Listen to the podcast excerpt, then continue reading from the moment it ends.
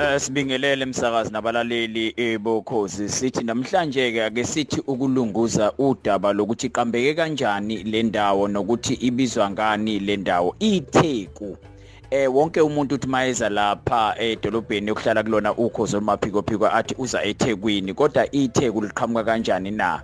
Kuyavela ukuthi kudalo kwakade kuhlala abantu bakwalithuli nabakwacele kule ndawo yaseThekwini okwathi uma bebuka ichweba lemvelo lalikade livele likhona lingakanwetshwa abelumbi.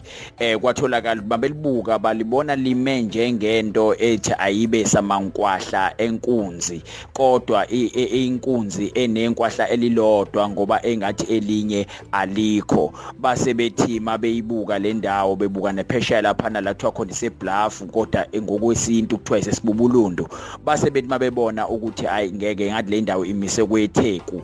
Base bethi ke isethekwini kusho basibefaka undaweni kwase kujika ukuthi ethekwini. Ingakho ke yaqambeka kanjalo. Siyakhumbula ukuthi umeya wakudala nje uObed Mlaba wayezethi unamahloni ukubiza leli gama letheku mayibuzwa ukuthi yini itheku kanti kusuke kushiwo lapho inkunzi enenkwahla elilodwa? Kuyenzeka kwesisikhathi mayithenwa bese kusala inkwahla elilodwa. Iqambeke kanjalo ke indawo yaseThekwini igama itheku lisukela echwebeni ichweba elimise kwalo inkwahla lenkunzi eh, enenkwahla elilodwa. Eh, sibambe lapho namhlanje emsakazo wami omuhle.